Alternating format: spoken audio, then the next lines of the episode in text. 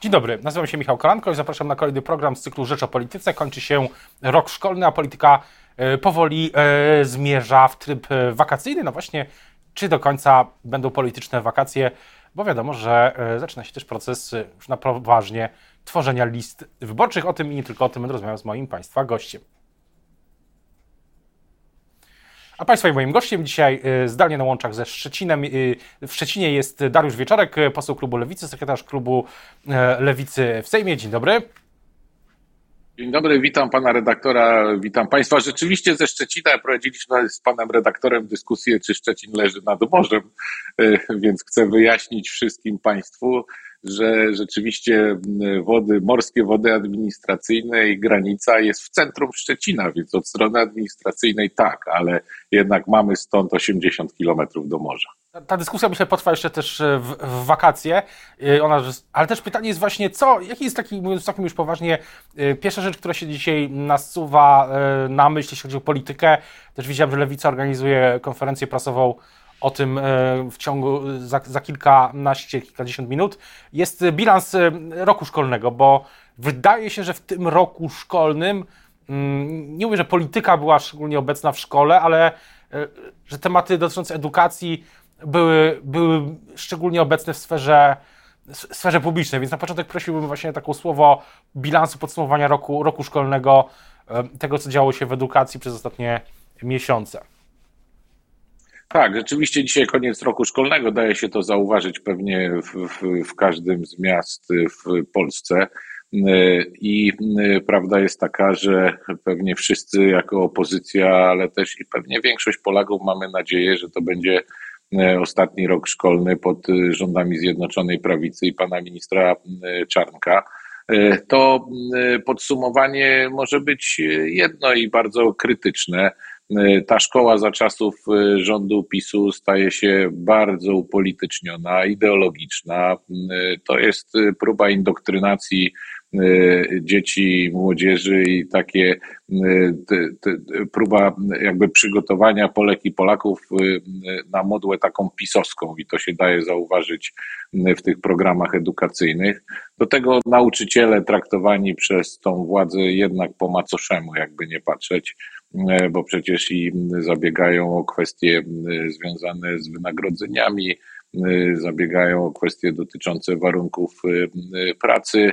Mam wrażenie, że ta władza jest głucha na te wszystkie postulaty, więc jak tutaj się coś po wyborach nie zmieni, to będziemy niestety mieli problem. A do tego oczywiście finansowanie edukacji, tu samorządy strasznie na tym cierpią i, i na to zwracają uwagę.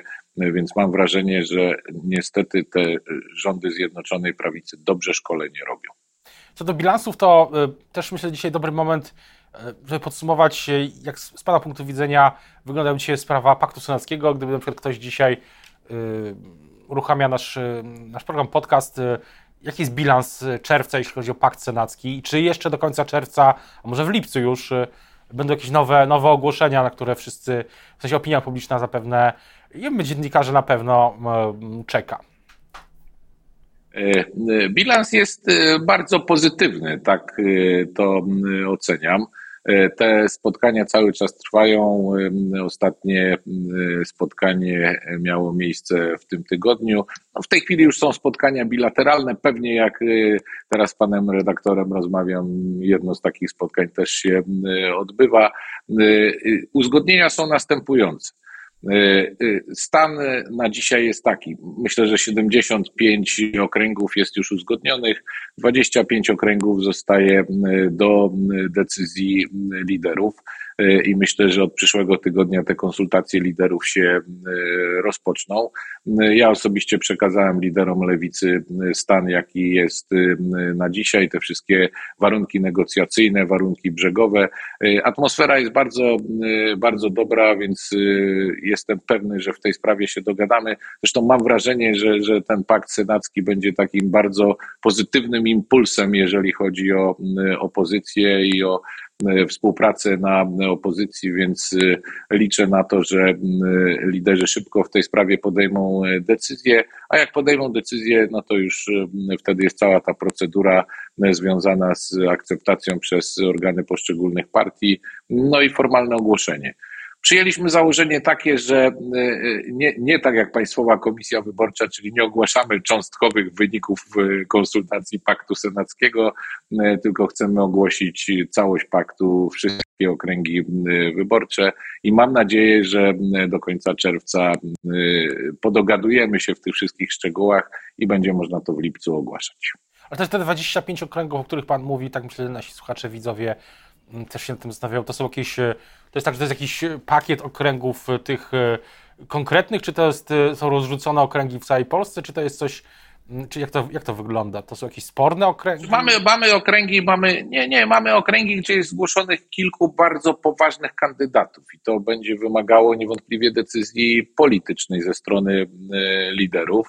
E, taka sytuacja jest e, chociażby w województwie mazowieckim e, i w samej Warszawie, w związku z czym to będzie po prostu wymagało spokojnej rozmowy między liderami. Jeżeli chodzi o kwestie, jakby nie ma, nie ma zbyt dużego sporu, daje, daje się to zauważyć, jeżeli chodzi o kwestie ilościowe, natomiast teraz już trzeba podogrywać te wszystkie szczegóły i mam nadzieję, że te rozmowy w tym tygodniu się rozpoczną i być może się już zakończą. Czyli y, podsumowując, 25 okręgów y, pozostało. Jak rozumiem, y, możliwe, że na początku lipca, tak jak Pan mówił, nawet czy w lipcu w ogóle ten pakt senacki będzie już w pełni ogłoszony. Jak rozumiem. Chcielibyśmy, to znaczy, chcielibyśmy, żeby to, to jest oczywiście moje zdanie. Koledzy muszą też zastanowić się, jak, jak to zrobić. Nie dyskutowaliśmy jeszcze, ale ja bym miał taką ideę i mam takie marzenie, że po prostu w lipcu na tej scenie stanie stu kandydatów z liderami opozycji, z liderami czterech opozycyjnych y, głównych y, partii, z liderami w ogóle partii opozycyjnych i, i po prostu przedstawią tych kandydatów. To by był piękny obrazek i myślę, że to by było takie piękne otwarcie kampanii wyborczej, jeżeli chodzi o polską opozycję. A skoro o kampanii wyborczej mowa, no też nie znamy jeszcze dokładnie terminu wyborów. Prawdopodobnie będzie to 15 października. Prezydent ma czas do, z tego co pamiętam, do końca sierpnia, czy do połowy sierpnia, jakoś tak. Do połowy sierpnia. Do połowy tak. sierpnia, żeby te, żeby te wybory ogłosić. No ale pytanie, jak to wygląda w lewicy? Czy jeśli chodzi o listy wyborcze, to co, to co budzi emocje w każdej, w każdej partii? Co, co, co, na, co na dzisiaj można o tych listach samej lewicy powiedzieć? Oczywiście budowanie list zawsze budzi emocje i to w każdej partii budzi emocje i, i nigdy nie ma dobrego rozwiązania. Zawsze ktoś będzie zadowolony, ktoś będzie niezadowolony. Jeżeli chodzi o statut y, lewicy w sprawie list, ostateczne decyzje y, podejmuje zarząd krajowy y, partii. Natomiast w tej chwili trwają konsultacje w powiatach i w województwach.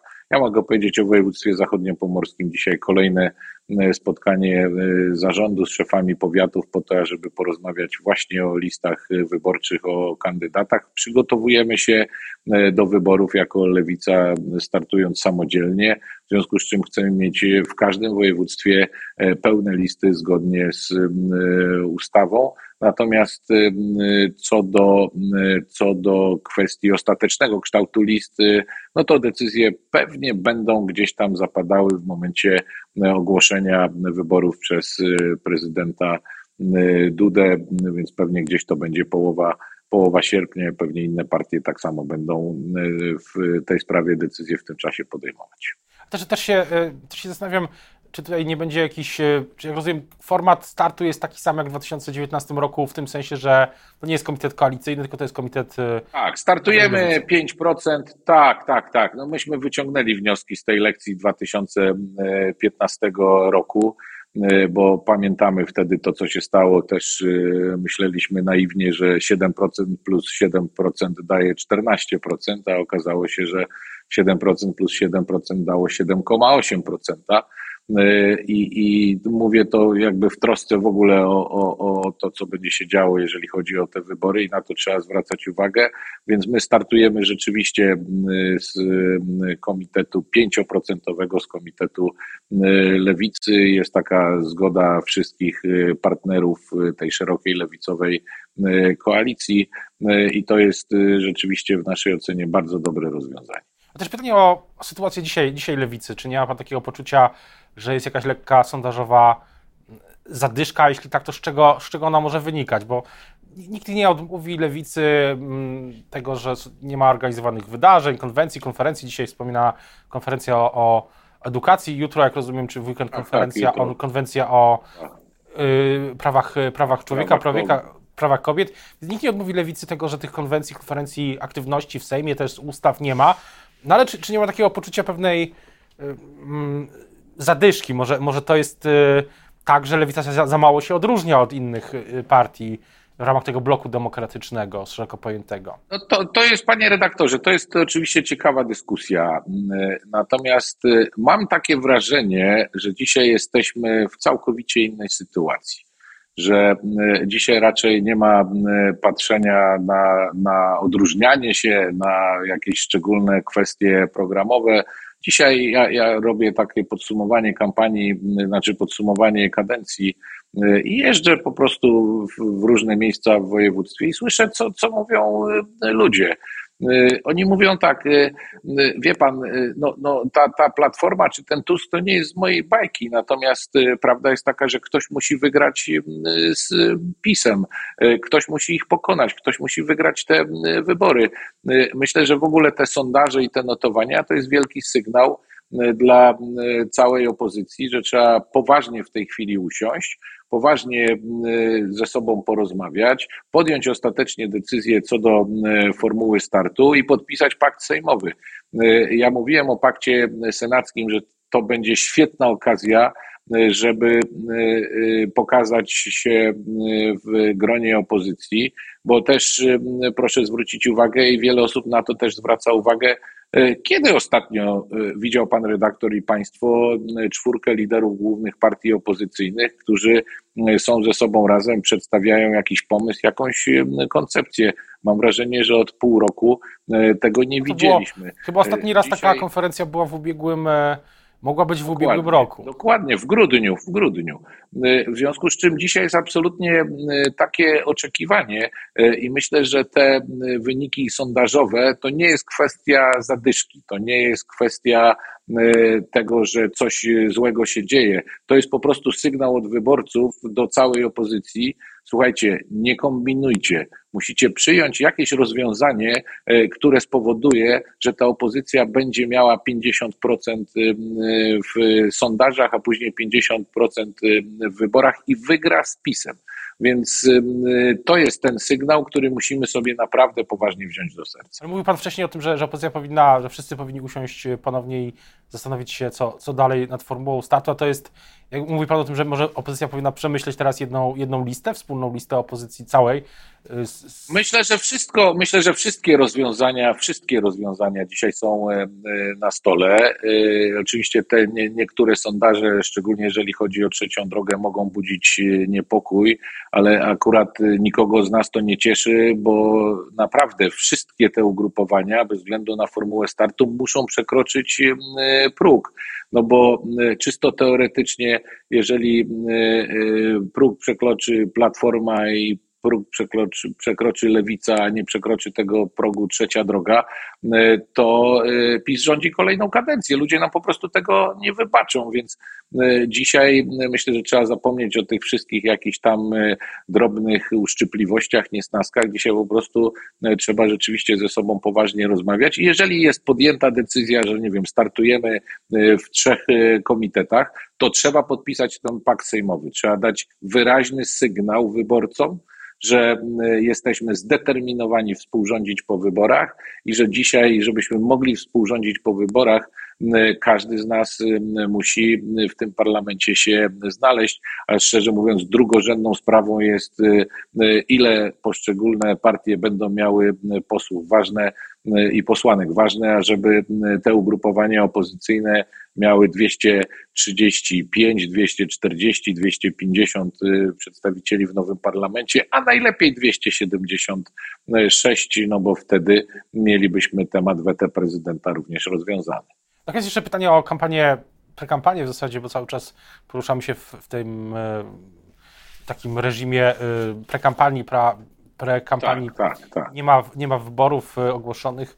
Dopiero we wrześniu będziemy mogli, czy w sierpniu dopiero kampanii wyborczej, ale prekampania wyborcza w, w wakacje. Czy, czy, czy nie jest tak, że wyborcy będą po prostu zmęczeni już, czy są zmęczeni tym, tym wszystkim, co się, co się wydarzyło, tą polaryzacją też, czy nie jest tak, że po prostu ludzie będą, powiedzą politykom, polityczkom, że no dajcie nam spokój, są wakacje, jest lato.